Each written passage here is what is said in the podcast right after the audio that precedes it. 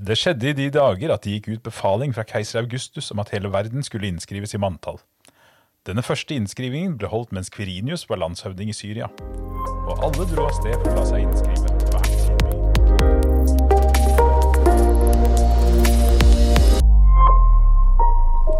Hei og velkommen til en uh, evolusjonsprat julespesial. Eh, vi har eh, funnet fram eh, juleevangeliet og mye annen snacks fra de forskjellige evangeliene, som er kjent og kjært for hele det norske, norske folk. Og vi tenkte vi skulle se på disse historiene i et evolusjonært lys, for det er det er en grunn til at denne historien fenger oss så godt. at det er temaer her som er interessante å, å tenke på evolusjonært.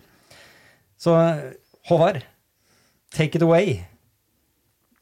Ja, da Vi har jo allerede lest litt fra Lukas evangelium, men eh, de eh, litt mer interessante tingene finner vi jo i, uh, i Matteus evangelium.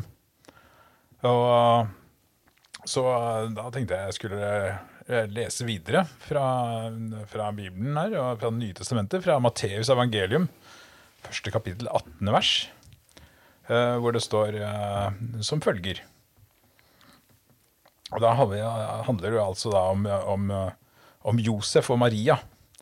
Og, og hvordan det hadde seg at Maria var, var gravid. For det var hun jo. Og det står da altså at eh, Men før de var kommet sammen, viste det seg at hun var med barn ved Den hellige ånd. Josef, mannen hennes, som var rettskaffen og ikke ønsket å føre skam over henne, ville da skille seg fra henne i all stillhet. Ja, slik lyder Herrens ord. Det var jo ord til ettertanke. Det er jo noen ting å bite merke i, i her. For det første er jo at hun har blitt gravid uten, uten å følge normal biologisk prosedyre. Ja, dette er jo veldig påfallende. Ja. Mm. Eh, og, og denne mannens reaksjon. Eh, Josef, er de, er de gift eller er de ikke gift? Hvordan, er noen som, har vi noen klarhet i det? Var, var eh, hun ikke hans eh, trolovede? ja, ja. det, altså, de, er, de, er, de skal gifte seg. Mm. Ja. Ja. Jeg tror hun var lovet bort til ham. Ja. tror jeg var eh, uttrykket som ble brukt sist jeg hørte Er det en sånn fase hvor man på en måte er låst og ikke får lov å ha Altså Man får jo vel kanskje selvfølgelig ikke ha lov å ha sex før ekteskapet. Ja, altså, ja, I Lukas evangelium så er det jo en sånn lang sånn så, uh, så la, Når man leser selve juleevangeliet, så kommer det jo ikke fram i det hele tatt at hun var gravid utenfor, uh, utenfor ekteskap. Det står bare at hun var, at hun var med barn. Ja. Mens, uh, mens det virker nesten som det er føyd på da, en, en litt sånn fortale der, sånn, hvor det er, kommer en lang, en lang historie om hvordan hun får en åpenbaring fra Gud, hvor det forklares at, at hun skal bli med barn. da. Ja. At, eh, helt, eh, at hun, hun protesterer som hun har aldri vært med en mann, men det fikser Gud. Så, da skjønner hun, så legger hun seg jo ende over ende og ber uh, Den hellige ånd komme over henne, som det står. Ja. Ja.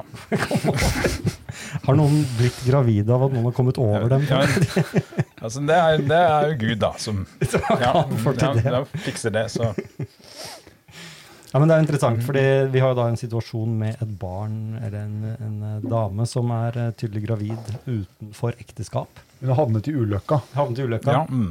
Og dette er jo et fenomen som er dypt uh, evolusjonært problematisk, er det ikke det? Eh, Ja. ja. Hva, hvor, hvorfor er dette en issue? Fordi Hvis man skal sikre sin egen reproduksjon, så er man selvfølgelig nødt til å sikre at man selv er far til, sine, til de barna man legger ned ressurser i. Og, og der har jo da virker det som Josef har svikta Ja. på det punktet her. Han har ikke mateguarda eh, Maria nok. Nei, helt opplagt. altså da, I dette tilfellet så er det da altså det, det er jo selvfølgelig vanskelig å sikre seg mot, mot uh, guddommeligheter som kommer inn og, og ordner ting. Men uh, han er, uansett så legger jo han ned da, ressurser i noen som ikke er hans eget barn. Da. Selv om det i dette tilfellet er Guds barn som har kommet her. Ja. Eh, hun er i en kinkig situasjon, og han er i en kinkig situasjon. Er det, eh, hvordan dealer vi eh, med disse situasjonene? Vanligvis? Eller, eller evolusjonært? Det er jo interessant at uh, dette som Håvard leste om at eh, han hadde egentlig tenkt å skille seg fra henne i stillhet. Ja. Eh, Ja, hvorfor det? ja, ja og, og at uh, dette var noe man kunne løse minnelig på et vis. Det høres jo ut som en man er jo, Fra Bibelen er man jo vant til ganske sånne strenge eh, straffer rundt sånne ting. Ja. Sånn i, I Det gamle testamentet så er det vel noen sånne regler om at eh, hvis en kvinne blir voldtatt av en mann, så skal han gifte seg med henne og sånn. Så det, ut fra, det, det, hørtes som, det hørtes litt mer sivilisert ut, det du, det du beskrev der, Ja, egentlig. ja, Det står jo at Josef var en rettskaffen mann, og han ville ikke føre skam over henne og stille skille seg fra henne i all stillhet. Men han, vil han da, altså hvis hun var gravid utenom eh, forholdet, og så gifter de seg, eh, før han da skam på henne? Er det det? Jeg forstår ikke. Hvor kommer skammen din her? Altså selv om, selv om, selv om skambegrepet selvfølgelig er, eh, er vanskelig, men hvor, Ja, nei, ikke sant? Altså, En kan jo lure litt, da. For at, eh, ja, hva, hva, betyr det at han ville skille seg fra henne i all stillhet? Det er jo litt merkelig. Ja, er at eh, Hvis hun nå var gravid med noen andre, og han skilte seg fra henne, så ville det jo ikke spille noe så veldig mye rolle om han skilte seg fra henne i stillhet eller ikke. For hun ville jo uansett være gravid, da. ja. Og hun hadde jo da hatt et problem. Ja. Mm. Hadde hun hatt et større problem hvis, hun, hvis han ikke skilte seg fra henne? Det, er- det det teksten ja altså Hvis det var hans eget barn, da, Ja. Så vil det jo kanskje være Nei, jeg vet Jeg skjønner ikke egentlig hvorfor det skal hjelpe at han gjør det i all stillhet. Jeg synes ikke det er mye oppstyr omkring det, liksom. Han bare Du glemmer henne pent og ordentlig. Det er noe med premissen i teksten her som ikke er helt på plass, tenker jeg. Det er Nei, ja, ja.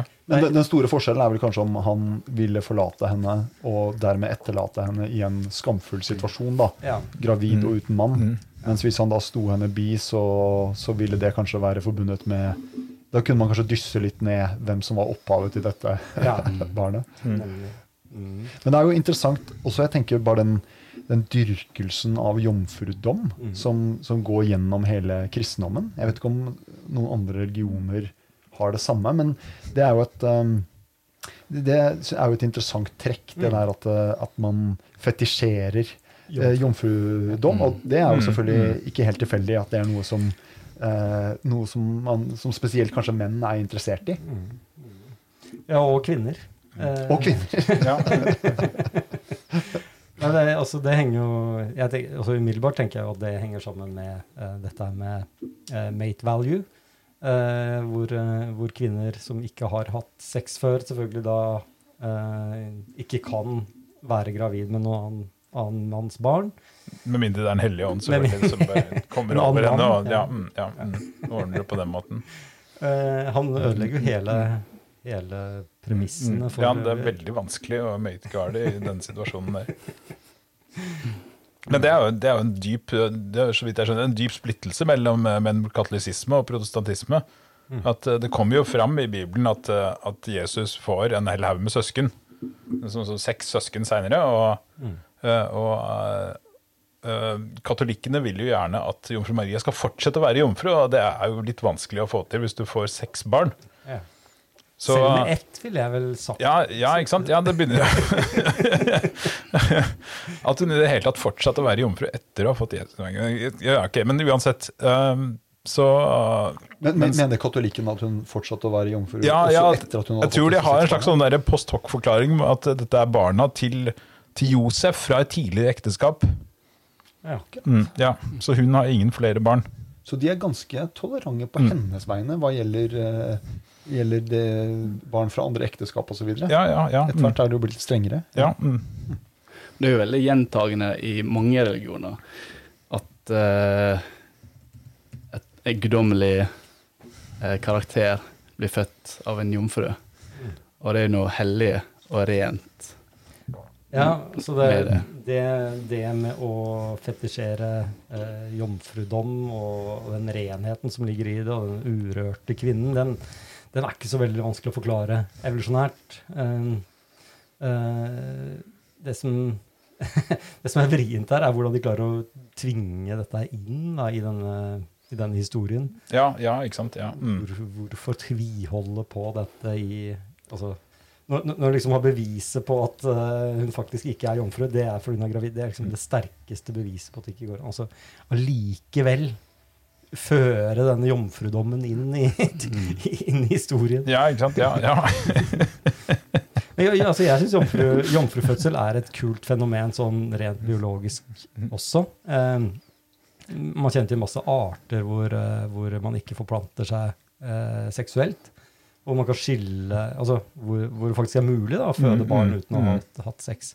Uh, og arter som kan veksle mellom å ha sex og så Mm. få barn, og så ikke ha sex og få barn allikevel. ja ikke sant? Men da, da ville hun jo ikke fått, uh, fått Jesus, da ville hun fått Maria. Ja, ikke sant? Ja, Hun Ja. ville fått en klon av seg selv Ja. hvis hun hadde fått et, en ekte jomfrufødsel. Så vi er kan, jo, vi kan i hvert fall slå fast kategorisk at dette er ikke en jomfrufødsel, bare fra et rent biologisk Ja, og perspektiv. at Gud har et Y-kromosom. Mm, Ja, ja, ja. Det guddommelige Y-kromosom. Mm. Hmm, ja, for hvor kom Y-kromosomet fra? Mm. Um, en annen ting med det er eh, Noen har, noen har stilt opp med Y-kromosomer, om det er Den hellige ånd som bare kom det over henne, eller, ja, eller hvor det kom fra. Ja. Et eller annet sted. Ja. I det minste et SRY-gen. Kan det ha vært en annen mann inne i bildet her? Bare hiv en brannfakkel ut! Er det nærliggende å tenke det? Det er, en, det, er, det er en artig meme som går på Facebook nå med et bilde av Maria og Jesusbarnet. Og så uh, står det at hvis det kunne DNA-teste på den tiden, så har vi sluppet alt, alt Ja. det bråket i ettertid. For det hadde vært veldig interessant å, eh, å se DNA-sekvensen til Jesusbarnet. Ja, det det. det. Ja, det er et, et eh, interessant ting til med det. Det er jo dette at mennesker har eh, kjønnutformering. Og, og det er en såpass dyr sak. Eh, hvor det går an å forestille seg at mennesket eh, altså, Opp gjennom historien, da, gitt alle de menneskene som har levd, gitt alle de kvinner som har levd, at en eller annen gang, eller flere ganger, så har det skjedd at en, eh, et egg ikke har eh, gått gjennom den vanlige kromosomdelingen, men sitter med et fullt eh, DNA-sett, og, og, og at det blir født et barn som da ikke trenger en, eh, si, en eh, sædcelle for å befrukte. Mm. Så det, er ikke, det, det skal ganske mye til. Så det er ikke sånn at dette er noe enkelt som kan skje, men, men det er ikke helt umulig at det kan ha skjedd heller. Vil du si at det ville vært et mirakel hvis det skjedde? Jeg ville sagt at uh, det har skjedd rarere ting. Men gitt det store talls lov, så er det ikke utenkelig at det kan ha skjedd. Og, og det store spørsmålet da er hvorfor, hvorfor blir ikke alle barn født sånn hvis det lønner seg så voldsomt, da. Eh, for dette, denne moren vil jo da eh, kunne født eh, x antall kopier av seg selv uten mannlig innblanding. Mm. Eh, og vips, så har du en liten landsby, og så hadde de igjen fått eh, sine døtre. Og så har du plutselig en, en slags eh, ny, nytt menneske som, som sprer seg fra landsby til landsby og vokser og vokser og, og blir flere og flere helt identiske kopier av denne stammoren. Da. Ja, men i så fall så har vi, vi har jo hatt relativt høye nivåer av konflikt opp gjennom menneskehetens historie. Og et samfunn bestående av bare kvinner ville jo kommet til kort sånn sett. Altså, ja, Ja, vi høy, med høy grad av slektskap, så Ja, kanskje det hadde funka. Eh, kanskje dette er det menneskets endelikt. Eh, en, endelig, en, eller menneskelig endetilstanden. At eh, det, det, er, det er ikke kvinnene som tar over, det er én kvinne som tar over hele. ja. Eh, vi skal lese litt mer. ja, ja for, at, for, at, jo, men altså, ja, for, sant, for det som skjer videre, da. Det er jo da opplevd at Maria kommer til, til Josef, og så forklarer hun at, at det er Den hellige ånd som har kommet over henne, og at den dermed har blitt gravid. Og Og øh, vil jeg anta altså sånn ut fra Siden hun allerede hadde fått den åpenbaringen. Eh, og i Matteus evangelium da, så står det jo da først at, at Josef hadde lyst til å skille seg, men uh, så står det videre at uh, men da han hadde bestemt seg for dette, viste en Herrens engel seg for ham i en drøm og sa, Josef, Davids sønn, vær ikke redd for å ta Maria hjem til deg som din kone. For barnet som er unnfanget i henne, er av Den hellige ånd. Hun skal føde en sønn, og du skal gi ham navnet Jesus, for han skal frelse sitt folk fra deres synder. Ja, mm. Og dette kjøpte han, da. Han ja, gikk på den. Ja, eh, Han gikk på den, ja.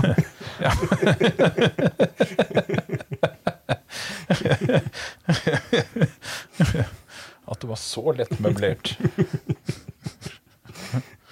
ja. Jeg vet ikke, Er det så mye å si om den? uh, Nei, jeg vet ikke. Det er så. Det er i lett å, det er lett å ha sympati med Maria som har havnet i ulykka og eh, ikke vet helt hva hun skal si. Og da kan man jo se for seg at jenter opp igjennom har eh, på en måte plumpet ut med diverse historier. Ja, ja, ja. Eh, og mm. at det er- ikke er en så eh, helt sånn eh, verdens rareste forklaring på at denne, denne eh, myten oppsto. Nei, nei. Eh, at, at hun leverte en spesielt levende eh, Gjenfortelling. gjenfortelling av hva som skjedde, og at uh, her var det eh, rett og slett uh, guder med i Og selvfølgelig i samfunn der, der, eh, der, der guder var noe nært tilstedeværende. Ja, og det, det, det, altså en ting er at det, det er en veldig god forklaring. Sånn. Den ligger veldig nært. da. Ikke sant? Du forteller en fortelling som redder deg, og ikke bare det, men hun setter jo barnet sitt i en særstilling for spesialbehandling senere. Så det er en veldig fin eh, en, veldig god kommunikasjonsjobb. Ja, altså, hvis det foregikk sånn, da er jo ikke dette hele bare en sånn bibelsk eh, ja, eh, eh, Men i så fall så kan det jo godt hende at, at Josef forklarer det, kjøper dette av litt mer pragmatiske hensyn. da, At han, han slipper å annullere ekteskapet og ja, får seg jo dama, da. De får jo seks barn, så det er ikke helt Ja, og dette, altså, Hvor mange som er hans, det er jo ikke Tio kilden om, men det, Vi har jo ikke kommentert det, men bare dette her med at uh, en mann uh, kan tenke seg å skilles fra en kone pga. hennes graviditet, er jo, det er jo dypt evolusjonært, hvis det ikke er hans barn. mm. Um, jeg vet ikke om vi skal er litt så grave så mye i hvorfor det er sånn, men, uh, men det, det handler jo om at menn ikke, ikke nødvendigvis vet hvem som er faren til barna til kona si. Mm. Mm. Eh, og har masse mekanismer for å, for å unngå det. Men det vi, vi hører veldig lite om Josefs sjalusi her, da. Den, eh, den er vel sannsynligvis til stede, vil jeg tro. Han ble knallhard ateist utover. Han gikk bare og sulla inne på verkstedet sitt. Og nei, nei, nå, nå er en dama mi ute og prater med disse her historiene sine igjen. Men i en av versjonene så var jo at Gabriel eh, besøkte han også, mm. og bekrefta det. ja. ja. Så det er liksom for å, eh, for å liksom slukke den brannen, da. Her har du forklaring for hvorfor han ikke ble sjalu. Ja. sjalusi. Nemlig. Så ja, for du holder ikke med én gud, eller holder ikke med én beskjed fra, fra Gud. Nei, nei. Nei, men det, det That makes sense, Mm. holdt jeg på å si. Mm. Ja, ikke sant? For Maria kan i hvert fall være helt sikker på at det er hennes barn. Men Mm. eh, Josef kan jo da i dette tilfellet være helt sikker på at det ikke er hans barn. Ja. Ja, så ja. Kan noen være sikre på at det er eh, Den hellige ånds barn? Ok, sorry. Det var, det var en avsporing. Ok, Men det er, det er jo mer i denne historien her. Det er jo, Én ting er eh, Josef og Maria og dette barnet og denne mystiske nattlegjesten. ja mm. Og så har du eh, de, de vi viser Dette er jo det vi, dette er jo da ja, det, Hvis vi da liksom skal se litt sånn darwinistisk på juleevangeliet, så er jo dette da en av disse eh, viktige tingene, eh, sånn darwinistiske elementene i juleevangeliet. Som vi, har, vi kaller jo dette for EPC-er, altså extra pair copulations. I dette tilfellet er det særlig extra pair divine copulation, alt etter hvordan man tolker det. Men det er fremdeles en EPC, da. Det er jo, ikke, det er jo helt klart. Det er blitt barna, det. Mm, ja. Mm. Det, det, er jo også et poeng, altså at denne store høytiden, menneskets store høytid, er, handler om eh, eh, reproduksjon. Mm. Ja, ikke sant? Ja, akkurat det. Mm. Det er, eh, det er jo noe Det er ikke så overraskende, egentlig. Nei, nei. Yes. Ja, øh, ja, så skal vi jo videre til, øh, til en annen del av juleevangeliet, som er langt mer brutal og, og kjip. Uh, Og du leser fra ja, altså, ja, jeg må først gi en liten introduksjon. her, sånn, da, for at det som skjer videre, da, er at det kommer da en, en skokk med vismenn. Uh, det var sånn at det, var, det er ingen som egentlig vet at det er tre vismenn, men de har med seg tre gaver, så derfor så blir det naturlig å fremstille dem som tre stykker. Men det kommer da i hvert fall noen vismenn fra Østen til eh, Herodes, som er konge i Judea, og begynner å mase om hvor jødenes konge er født. Og det friker da ut av Herodes og hele eh, Jerusalem og alt som er. og eh, For at det er en gammel spådom da, om at det skal komme en fyrste fra Betlehem. Eh, og eh, Herodes han får da tak i disse vismennene og ber dem om å stikke av gårde og finne denne fyrsten, som er Jesus, og så komme tilbake igjen til ham. Og gi beskjed om hvor de fant ham hen. For han sier han, ja, han vil gjerne vink, vink, eh, hylle ham litt, han også. ja. Uh, og Sin erstatter. Ja. Mm. Eh, og eh, og eh, det som skjer da, det er da skal vi se, da leser vi da fra videre fra Matteus evangeliet, hvor det står at å se stjernen som de hadde sett gå opp, gikk foran dem inntil den ble stående over stedet der barnet var. Da de så stjernen, ble de fylt av jublende glede. De gikk inn i huset og fikk se barnet hos moren Maria, og de falt på kne og hyllet ham. Så åpnet de skrinene sine og bar fram gaver til barnet. Gull, røkelse og myrra. Ja, nydelig. Ja, det er jo dette med gaver, da. Julepresanger. Ja, det er sant. Mm. Det, det er jo en greie. Ja. Uh, Det er jo til og med gjort noen evolusjonære studier av. Uh, ja, og til og med i Norge. Uh, selve premissgaver er jo en sånn eh, sak som handler om hvorfor gjør vi noe for andre. Og, og en av de store forklaringene på det handler jo om at vi, hvis vi gjør noe for andre, så får vi ofte noe igjen, og at det er en sånn lønnsomhet i det over tid. Eh, og hvor gaver er en, en måte å gjøre, gjøre noe for andre som man senere kan få noe tilbake for. Uten at det er sånn det er formulert, men det er i hvert fall en sekvens av gaver. Eh, men det var en norsk studie Når var det den kom? Noen som husker det? Jeg tror det var 2004, hvis jeg 2004? tipper riktig. Ja. Noe sånt. Det høres logisk ut, ja. Mm. Eh, med Mysterud og en et par andre mm. som, eh, på Universitetet i Oslo som eh, så på julegavergivning eh, blant var det norske studenter. I, eh, i Oslo. Ja. Biologer. Biologistudenter. Ja, hva var det de undersøkte? 50 stykken. Hva var det de undersøkte, og hva var det de fant? Ja, up on the top of my head. Eh, så ville han finne ut om eh, graden av slektskap het eh, påvirka hvor masse man investerte i gavene til, eh, til da familie, eh, og ja, foreldre, søsken og så videre, videre. Mindre, mindre slektskap Ja. Ja. Og um, de fant jo en, en korrelasjon der. Men det de ga mest til Disse her var unge studenter da, i sånn tidlig 20-årsalderen. Og det, hvis de hadde en partner, da, så ga de mest til partneren før. Deretter foreldre, og så søsken og, og besteforeldre. Var det en kjønnsforskjell der mellom menn og, og damer? Ja, det, han, jeg tror jeg så en liten forskjell der med at kvinner har et større nettverk av venner å og veksle gaver med. Men ga noen mer gaver til partnerne sine? Var det, var det likt? Det, det s- husker jeg ikke å lese det. Eh, men, det men det interessante her er jo blant annet det med at kvinner har et større nettverk og Ja, er flinkere til å opprettholde um, en koalisjon med, med venner. Um, men også det at jeg tenker at sine unge studenter og det å ha, ta vare på partneren sin og investere i den foran slekta si, har eh, genetisk fordeler. Mm, ja, ja. Mm. Men da, og da kan vi kanskje si at eh, så når, man- når man snakker om gaver, så er det jo sånn i biologisk teknologi terminologi så er det jo eh, lett å tenke på altruisme.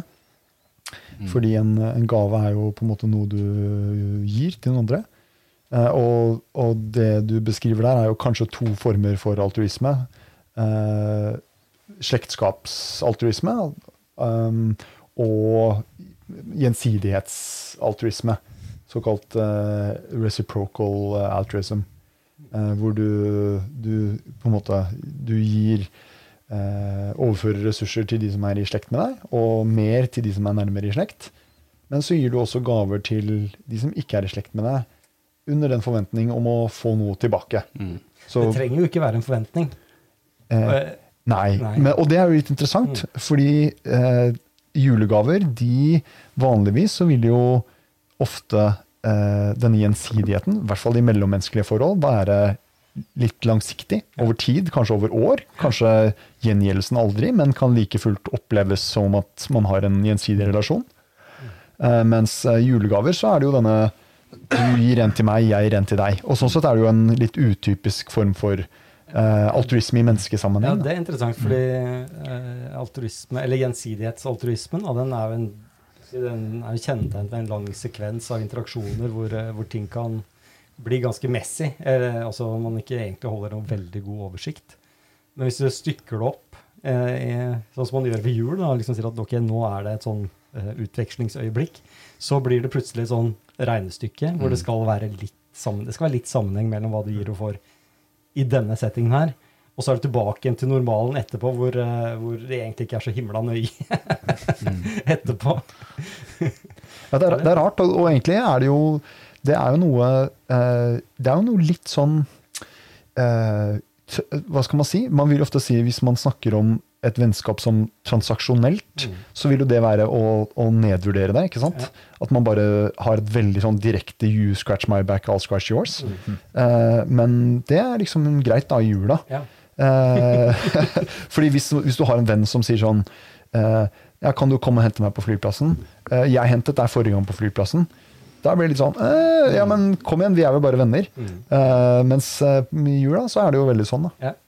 Eller kanskje mer. Ja, fordi det, blir, det er så ritualisert, så dermed så blir det en, mm. en Ja, det blir en transaksjon, da. Nesten. Ja, ikke sant? Det er klart, det blir jo fort en veldig drøy fornærmelse hvis du får en mye mindre verdifull presang.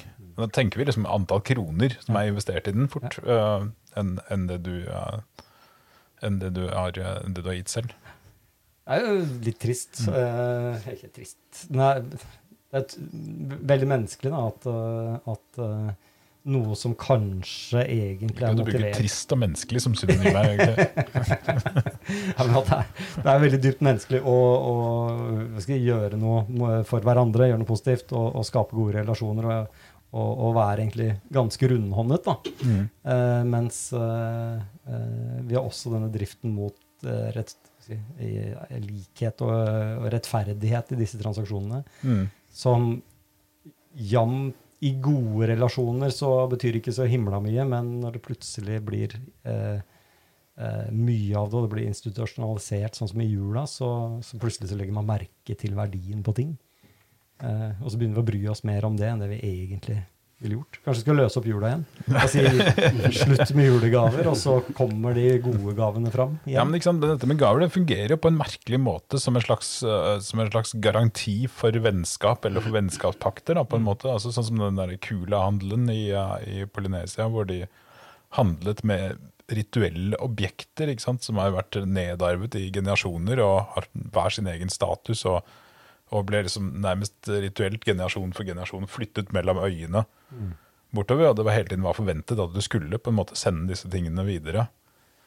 Uh, som også er liksom da en hvor, hvor gavehandelen på en måte er egentlig helt meningsløs. da. Ja. De, du får jo ikke noe utbytte av det i det hele tatt. Det er bare et eller annet du har i en bestemt tid, og du forventes at du, at du leverer det videre Ja. som en del av pakten.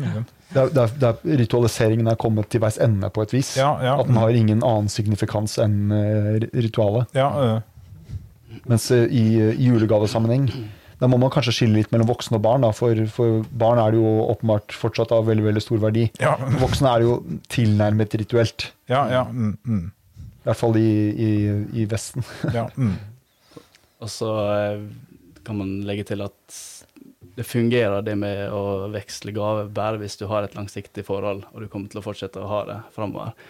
Hvis det, det, du har vært på utveksling og du eh, har tenkt å dra et, et semester, så jeg tror ikke- det er så mange som investerer i, eh, i et, et, et kortsiktig vennskap Mm, mm. nødvendigvis. Eller det er sikkert, men altså, i mindre grad i hvert fall. Uh, og, men for å dra litt enda lenger, så kan det være litt sånn kynisk med å gi gaver. Med at man tenker at um, Ikke nødvendigvis man kanskje noe man har fått, men for å deretter signalisere at flott, kjempebra, jeg, jeg eh, anerkjenner din, dine tjenester og oppfordrer til at du gjør, gjør mer av det. Jeg gjentar det gjerne.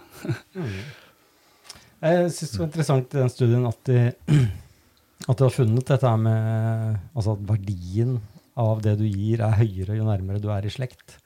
Eh, selv i noe som egentlig er en sånn gjensidighetsaltruisme. Uh, det er et stort mysterium, eller ikke et stort mysterium, det er et, et av mange mysterier da, i, i biologien, er jo dette med eh, menneskets eh, overdrevne samarbeidsvilje.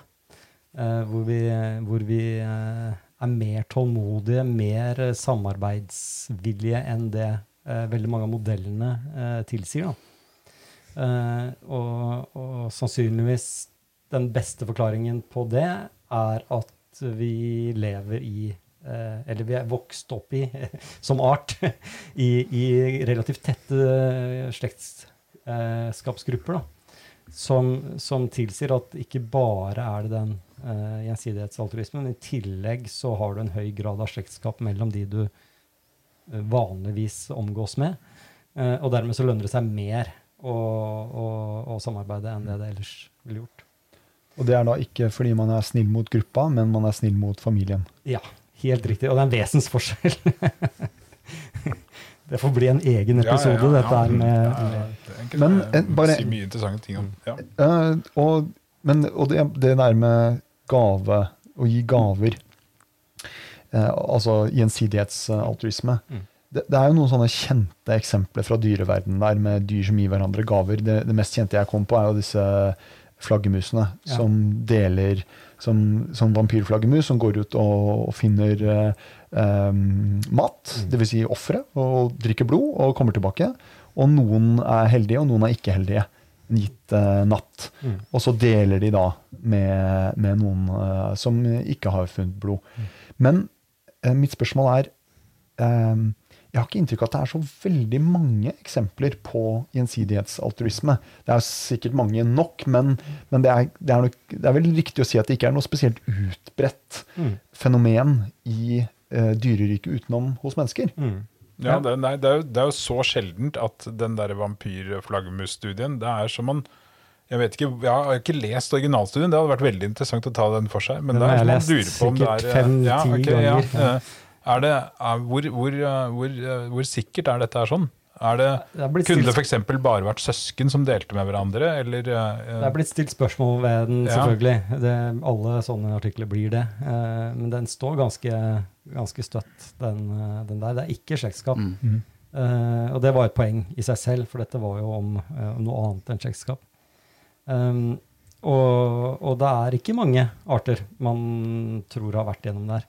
Jeg tror det, det å bruke gaver blir feil, fordi gaver da har du liksom Mm. et objekt som du skal dele med noen, eller en annen ting. Uh, mens det å, uh, å si gjøre noe for noen andre uh, er et mye bredere spekter enn å gi gaver. Det kan være å For eksempel i, i Sticklebacks, sånn, vet dere? Stingsild. Stingsild, ja. ja. mm. så, så har man sett på viljen til å utsette seg selv på fa for fare når det er si, en eller annen skummel skygge der borte. Så er det noen som må liksom eh, svømme litt nærmere og se hva det er for noe. Eh, og at den selvoppofrelsen på vegne av de andre, den går eh, Den er gjenytt av de andre over tid, da. Så, så eh, man må se på det på den måten at dette handler om å gjøre noe som andre eh, vinner på, men som du selv taper på. da. Men det er jo vanligere og vanligere å gi bort opplevelser. Ja, Så, så jeg vil fortsatt si at gave er eh, dekkende. Men, det er, ja, men eh, man, jeg, jeg, tror jo Dette er veldig tett opp til det jeg har eh, studert og, og jobbet med. Så, eh, så jeg tror jo at det, det som skjer da, når man først begynner med gjenytelses- eller gjensidighetsaltruisme, med, som ligger veldig tett opp til samarbeid eh, Og nå kan vi holde på lenge om det, jeg tror ikke vi skal gå så veldig langt. Men, jeg tror det, det åpner en sånn dør eh, evolusjonært hvor, eh, hvor, hvor du plutselig får masse ny seleksjon. Eh, fordi det oppstår en ny dynamikk hvor du må begynne å huske på hvem som har gjort hva. Du må vite eh, eh, andres rykte. Du må, vite, du må huske eh, om noen har snytt deg. Det er kognitivt ganske komplekst. Ja, det er ganske, og, og det er veldig Evolusjon belønner veldig at det oppstår nye kognitive funksjoner som, eh, som vi kjenner igjen som ganske menneskelige. Eh, og, og derfor tror jeg det er en sånn en, sånn, altså en liten blindvei, ikke blindvei, men en vei da, som, som, eh, som evolusjon kan ta. Og som gjør at du får veldig mye av det vi kjenner igjen som sosialt menneskelig. Og, og sånt noe.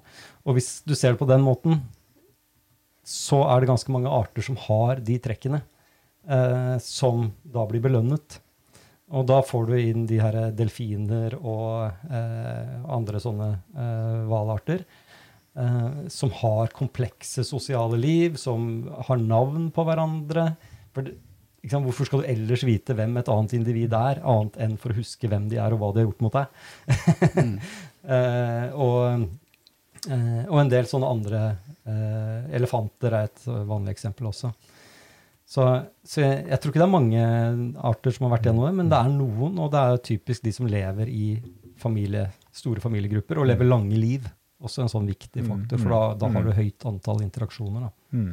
Men elefanter er jo veldig spesielle dyr, og veldig mye mer spesielle enn jeg tror de fleste er klar over, egentlig. Eh, men bare for å ta et skritt tilbake også der med, med slektskap og gaver, da. Uh, så, så er det jo sånn at uh, de man er nært i slekt med, altså f.eks. da barn, foreldre, eh, deler jo halvparten av genene sine. Så, så det man forventer da, det er jo da at de man yter mer for de individene du er nært i slekt med, fordi at du deler en stor del av genene dine med dem, og sjansene for at dine gener, også nedarvet via at disse individene er sånn, vil være tilsvarende stor. Da. Så eh, jeg deler halvparten av genene mine med foreldrene mine, en fjerdedel med søsknene mine, videre utover. Halvparten med søsknene? Ja, ja, ja, ja nei, halvparten med søsknene Ja, ja, ja. Ja, mm. Og det er jo interessant Mm. da, at man da kan se på prislappen på gaven som gis, det samme slektskapet som eh, du kan da måle i eh, slektskap. da. ja, mm. Men hvis vi skal ta det litt lenger, så vil jeg tro at eh, man investerer mer i det Si barna dine, da, som du er 50 slekt med, enn foreldre som er også 50 slekt med. For det, du har mer potensialet, reproduktivt Ja, ja, potensial i ja. ungene Mm. som, Mm. som, ja, som, skal, eh, som trenger den investeringa. Mm. Det var bare litt eh, Ja, ja, ja, ikke sant, ja, ikke sant? Men dette er, grunnmodellen da, er jo liksom bare sånn, en, en slektskapsbrøk, egentlig. Ja. Som predikerer hvor stor sjanse det er for at du har samme gener som den personen etter nedarving. Hamilton. Mm, ja. Ok, eh, hadde vi mer fra denne jule... Ja, ja, ja, for tilbake igjen til, eh, til det som skjedde med Herodes og sånt nå. Altså disse tre vise, de, ja, de eks- eks-vise mennene. eh, de, eh, de ble da heldigvis varslet da, i en drøm om at de ikke måtte stikke tilbake til Herodes, så de dro sin vei. Og Herodes ble fryktelig sint. Og så står det da videre at da Herodes forsto vismennene hadde narret ham, ble han rasende. Han sendte ut folk og drepte alle guttebarn i Betlehem og omegn som var to år eller yngre. Uh, og ja, så ligger det jo selvfølgelig i kortene her at uh, Gud sørger for at, at Josef og Maria og Jesus kommer seg unna, da. Uh, ikke så heldig med alle de andre, men, men kanskje litt begrenset med båndbredde eller et eller annet. Jeg vet ikke hvorfor resten skulle Ja, OK, uansett. Ja, Ja, det var jo mm, snilt gjort. ja, mm. Det var veldig snilt gjort at han gjorde det med dem, da. Så dette er jo da et tilfelle av eh, infantisid. Ja. Hvor vanlig er det i menneskets historie? Det er i hvert fall veldig vanlig i, i, i dyrenes historie, mm. kan man jo si. Bibelen har vel også et lite hang-up med det å drepe barn. Det er mye, uh, Mye infantisidstoff. Han eh, Moses i kurven er ikke Jo, det er også, Ja, der var det også en del eh, barnedrap, ja. Så det å drepe barn er jo, eh, det er jo eh, et tema som burde få en, få en egen episode, minst. kanskje da. Ja, ja, Men dette er også da en av de, de viktige tingene i julen. Ja. Den darwinistiske julen er barnedrap. Ja. Mm. Eh, vi vet jo om løver, eh, hvor hanner vandrer fra mødrene sine og finner, eh, si, finner en flokk med hunnløver. Eh, og når de finner dem, så eh, tar de kverken på alle ungene som er der. Eh, og, og så kommer da disse damene i brunst igjen. Det har jeg egentlig aldri helt skjønt, men eh, det, skal, det skal vi nok kanskje få, få diskutert litt. Mm. Eh, og, Du har ikke skjønt at de kan være så iskalde, eller? jo, jo, det har jeg, det har jeg skjønt, men, men eh, hvor, hvor, eh, jeg, hvor er eh, motstanden mot å slippe til disse mennene i første omgang? Den, det vil jeg tippe at det er der. Eh, men eh, jo, så, så barnedrap finnes jo i, i, i mange arter. Eh, eh, det er en del tilfeller fra sjimpansverdenen òg. Den eh, eh, De bøkene til hun eh, Hva heter hun? Jane Goodall. Uh, refererer til et par. Mm. Um, og så har vi jo mennesker, da, men det, skal, vi, skal vi snakke om det, da? hvorfor, hvorfor er Det er jo julens glade budskap. ja, ja, ja. Men du, bare kort om det sjimpanseeksempelet ditt.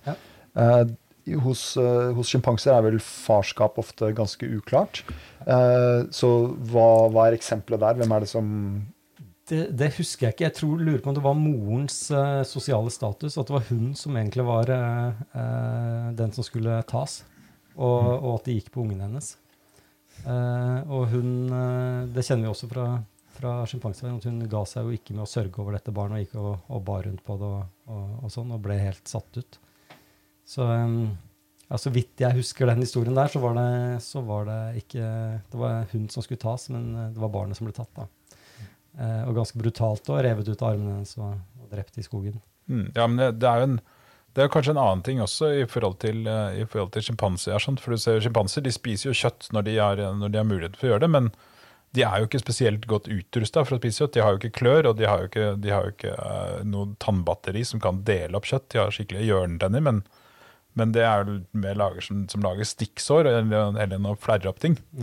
Så når sjimpanser spiser, spiser dyr, så er det jo stort sett bare helt sånn Disney-aktig søte skapninger de klarer å, å prosessere. Eh, Så det er liksom det er, det er eh, små spøkelsesaper og sånt nå, og du ser jo også at de spiser ganske mye av sine egne unger. Ja. Det er mye babymat. ja, ja, rett og slett. Ja. Mm, Når de angriper andre flokker, så er det jo det Når du ser de, de eh, Når de dreper hverandre, så prøver de å, å gjøre skade som de kan. Altså, de river av alt som stikker ut, Det stikler og fingre og alt som er sånn. Og, eh, men, eh, men de klarer jo ikke å gjøre alvorlig skade, for de har jo ikke, de har jo ikke egentlig de har ikke, de har ikke våpnene til å gjøre det, sånn som f.eks. løver har. nå. Men det er Så, et, så det er jo eh, også, det er også et næringselement her, sånn da, når de dreper, når de dreper sjimpansunger. De skulle gjerne, sannsynligvis gjerne drept flere voksne sjimpanser også, men de har ikke, slett, det er mye vanskeligere for dem å drepe voksne sjimpanser. det er jo et trekk her som Mm. også stemmer med denne julefortellingen. At eh, eh, når sjimpanser dreper uh, unger i hovedsak, så er det en annen stamme. Mm, ja, uh, og at det mm. er en del av eh, eh, tribal warfare. Eh, Det å gå løs på ungene. Og ta, Mm. Ja, ja, mm. ta hele generasjonen eh, Ta bort eh, egentlig framtiden til, ja, til Men, men du, trenger ikke, du trenger ikke den forklaringen. Det er at de går spesifikt etter ungene på noe mer nivå enn at ungene er de letteste å drepe. og Det er også de de får et næringsutbytte av. Da. De spiser dem. mm, mm. Det gjør jo ikke mennesker. Mm. Nei. Bare for å presisere det. Og der har vi den glade julebudskapet. ja, Eh, ja, så det er jo ikke, det er Men det- ikke så ille, det er det som står i Bibelen, hvis du sammenligner med sjimpanser. Men det er jo ikke, ja. Mm. det er Sjimpansenes juleevangelium Ja, er det er- atskillig mer ja, brutalt. Ja, mm. Men det er, jo, det er jo et poeng, tenker jeg, at uh, denne Herodes er vel romer. Uh, og Nei, er han det? Er han det? Er Ja, ikke han slags sånn lokal, han er konge. Er, han det, er ikke ja? han en sånn lokal dude, da? er han det? Jo, ja. Så det er hans eget folk han, Så er han jødisk. Ja, ja, jeg mener det. Intensiv googling. Men det er bra. Eh, han var en romersk klientkonge av Judea. Ja, nettopp, ja. Ja, sånn er puppet ja, master. ja, Eh, ja. ja. Det er jo typisk romerne er for siviliserte til å drive med sånne ting som det er sånn, nemlig. Han er beskrevet som en galning som myrdet sin egen familie og en stor mengde rab rabbier. Ifølge Wikipedia, da. Ja, Mm. Ja, ja. Ja det for det er, det er jo ikke veldig typisk å gyve løs på en hel generasjon eh, under seg i sin egen eh, slekt. Nei, nei, ikke sant. Nei, og det er vel like før han fikk seg en liten et strengt lite brev fra Augustus, tenker jeg. Han holdt på sånn som dette her. For han utsletter jo da selvfølgelig da alle som kunne truet hans eget eh, Hans egen arverekkefølge også, vil jeg tro, på, en eller annen, på et eller annet vis. Altså det, det er jo det underliggende her. at det, det er en, Sånn som det blir framstilt i historien, så er det jo en, det jo en makt eh, Hans maktposisjon som er truet ved at det skal komme noen som skal si, Mm. være en ny, den nye fyrsten. eh, og at han sikrer, eh, sikrer sin fremtidige maktposisjon Mm, ja, mm. ved å ta livet av alle disse potensielle eh, konkurrentene. Mm. Eh, men det er litt lompent, da. og gyve løs på alle disse nyfødte guttebarna. Ja, det er jo, det er jo veldig drøyt. Det, uh, Brygel har jo malt et bilde av, uh, av dette som skjer. Han har satt dette handlingen her til, eh, til Nederland i, på 1600-tallet, 1500-tallet. Og originalbildet der er jo, er jo malt over. Ja. Så de drar ut varer og dyr og, og sånne ting istedenfor å drepe spedbarn. Fordi det ble for støtende? Ja, det var forstøtende, og det var vel også fordi at eh, uniformene lignet veldig på noe slags Det kom opp i noe slags politisk greier med den eieren som hadde det. Så det så ut som det var hans egne folk som var, ja, var på gang der. Så det ble malt om. Nå skal vi kanskje eh, kvalifisere Bibelen som sånn kilde til historisk kunnskap noe. Ja, ja. Jeg, jeg Det er jo ikke ikke en, helt sånn nøytral framstilling av Herodes heller vi, skal, vi har her. Nei, jeg, jeg husker jeg leste en Augustus-biografi, og da ble det poengtert at man Fordi dette var jo dette innskrivningen i manntallet som foregikk. Mm. Og der, det har man visst ikke, ifølge denne biografien, klart å finne ut av i det hele tatt. At det var noe sånn Nei, det var manntall altså, Det var iallfall ikke noe sånn folketelling på det tidspunktet. Eh, Men, men da på bare på, kort her på Wikipedia så står det at eh, eh, at eh, de som har greie på Herodes' biografi, da, de bestrider dette her. Eh, Det med så spedbarnsdrapene. Ja. det høres jo litt drøyt ut. De sier ja. at det ikke skjedde. ja, nei. Så det kan jo hende at, eh, kan hende at eh, noen andre gjorde det, eller at de blander sammen. eller at de har funnet på Men det er interessant, fordi da er vi tilbake i et Det trenger jo ikke være alle heller, for den saks skyld. Men da er vi tilbake i en spor som jeg syns er eh, eh, interessant her. Fordi det å fortelle om at noen er villig til å drepe alle barna, det er en måte å tegne en trusselbilde på. Eh, Ja, ja, ja. ja. Absolutt Mm. ondskap. Ja, Ja. og, og det man egentlig gjør her, eh, sånn rent narrativt, er jo å sette opp eh, den absolutte ondskapen som da denne frelseren skal eh, eh, bekjempe. da. Dette nyfødte barnet. Dette nyfødte barnet. Så, så om det er sant eller ikke, det er mindre viktig. For fortellingen så er det viktig at man har en absolutt ondskap som man skal eh, frelse verden fra. Da. Eh, og da server jo dette med å drepe barn som er helt forsvarsløse, som en, eh, si en veldig bra Det er en veldig bra ond handling, for å si det sånn. Ja, ja. Mm. Den, Mm. den er udiskutabelt ond Mm. Mm. mm, og uforsvarlig. Ja, ikke sant. Det treffer jo, det treffer jo emosjonelt liksom, på det absolutt verste Ja. du kan forestille deg at noen kan gjøre. Og, og det er jo, ikke sant, En ting er det beskytterinstinktet du har overfor barn, og, så videre, men en annen ting er den her ytre trusselen, da, sosial, den ytre sosiale trusselen mot inngruppa di, som, Mm. som vil vedvare. Det betyr jo at du ikke er, har noen framtid. Det Mm. betyr at du og din familie og dine, si, din slektsfamilie og dine venners eh, familie har ingen fremtid, fordi Mm. denne Mm. makten er der, som alltid vil rense bort neste generasjon og alltid vil dominere. Eh, og som selvfølgelig setter Hvis det er sant, så setter det dere i en situasjon hvor det eneste dere, må, det eneste dere kan gjøre, er å angripe på en eller annen måte for å endra dette her.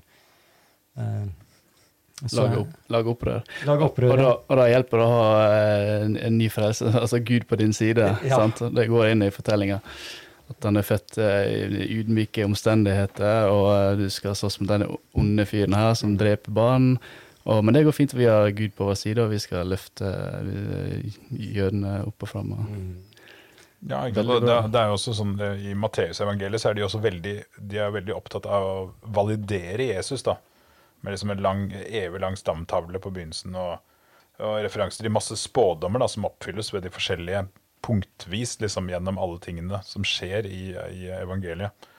Og der har de også da en spådom om som, som oppfylles ved at Herodes dreper spedbarna. Mm. Så det er også da selvfølgelig en grunn for å ha den historien med her. da. At det, er, det, Da- det, på en måte, viser jo at Jesus er den ekte Messias. Det er litt som siste episode av eh, Game of Thrones. Du, Eller siste sesong hvor du bare Du har et sånt sluttmål hvor du bare må spurte inn og lage masse dårlige historier bare for å få det til å gå opp. Ok, ja, nå kommer frelseren. Okay, da må alle disse løse trådene som ingen tenkte på, de må bare henge sammen. Ja, ok, Hva mangler vi her? da? Jo, her står det noe med et eller Ja, bar- barnedrap. Ja, men det er, ikke, det er ikke spesielt sannsynlig, er det vel? Jo, men ta det med likevel. Ja. Det skal kalles eh, selvoppfyllende profeti. Ja. Det blir det for. I hvert fall hvis du bare kan skrive historien i eh, Ja, ja, som du vil, så er det Jo. veld, veldig lett å få selvoppfyllende profetier. Ok, vi har holdt på veldig lenge. Det er fortsatt jul. Um, Ja, og nå har vi vært gjennom de, noen av de viktigste tingene i julen, og det er jo da eh, extra pair copulations og gaver og barnedrap. Ja, Ja, mm. Det høres ut som en jul, det. Ja, ja, det er, Darwinistisk jul. ja. Da takker vi for eh, alle, som, alle eh, som har hørt på. Mm, Og ja. så ses vi snart. ja, og så får vi ønske dere en fortsatt riktig god jul. Yes.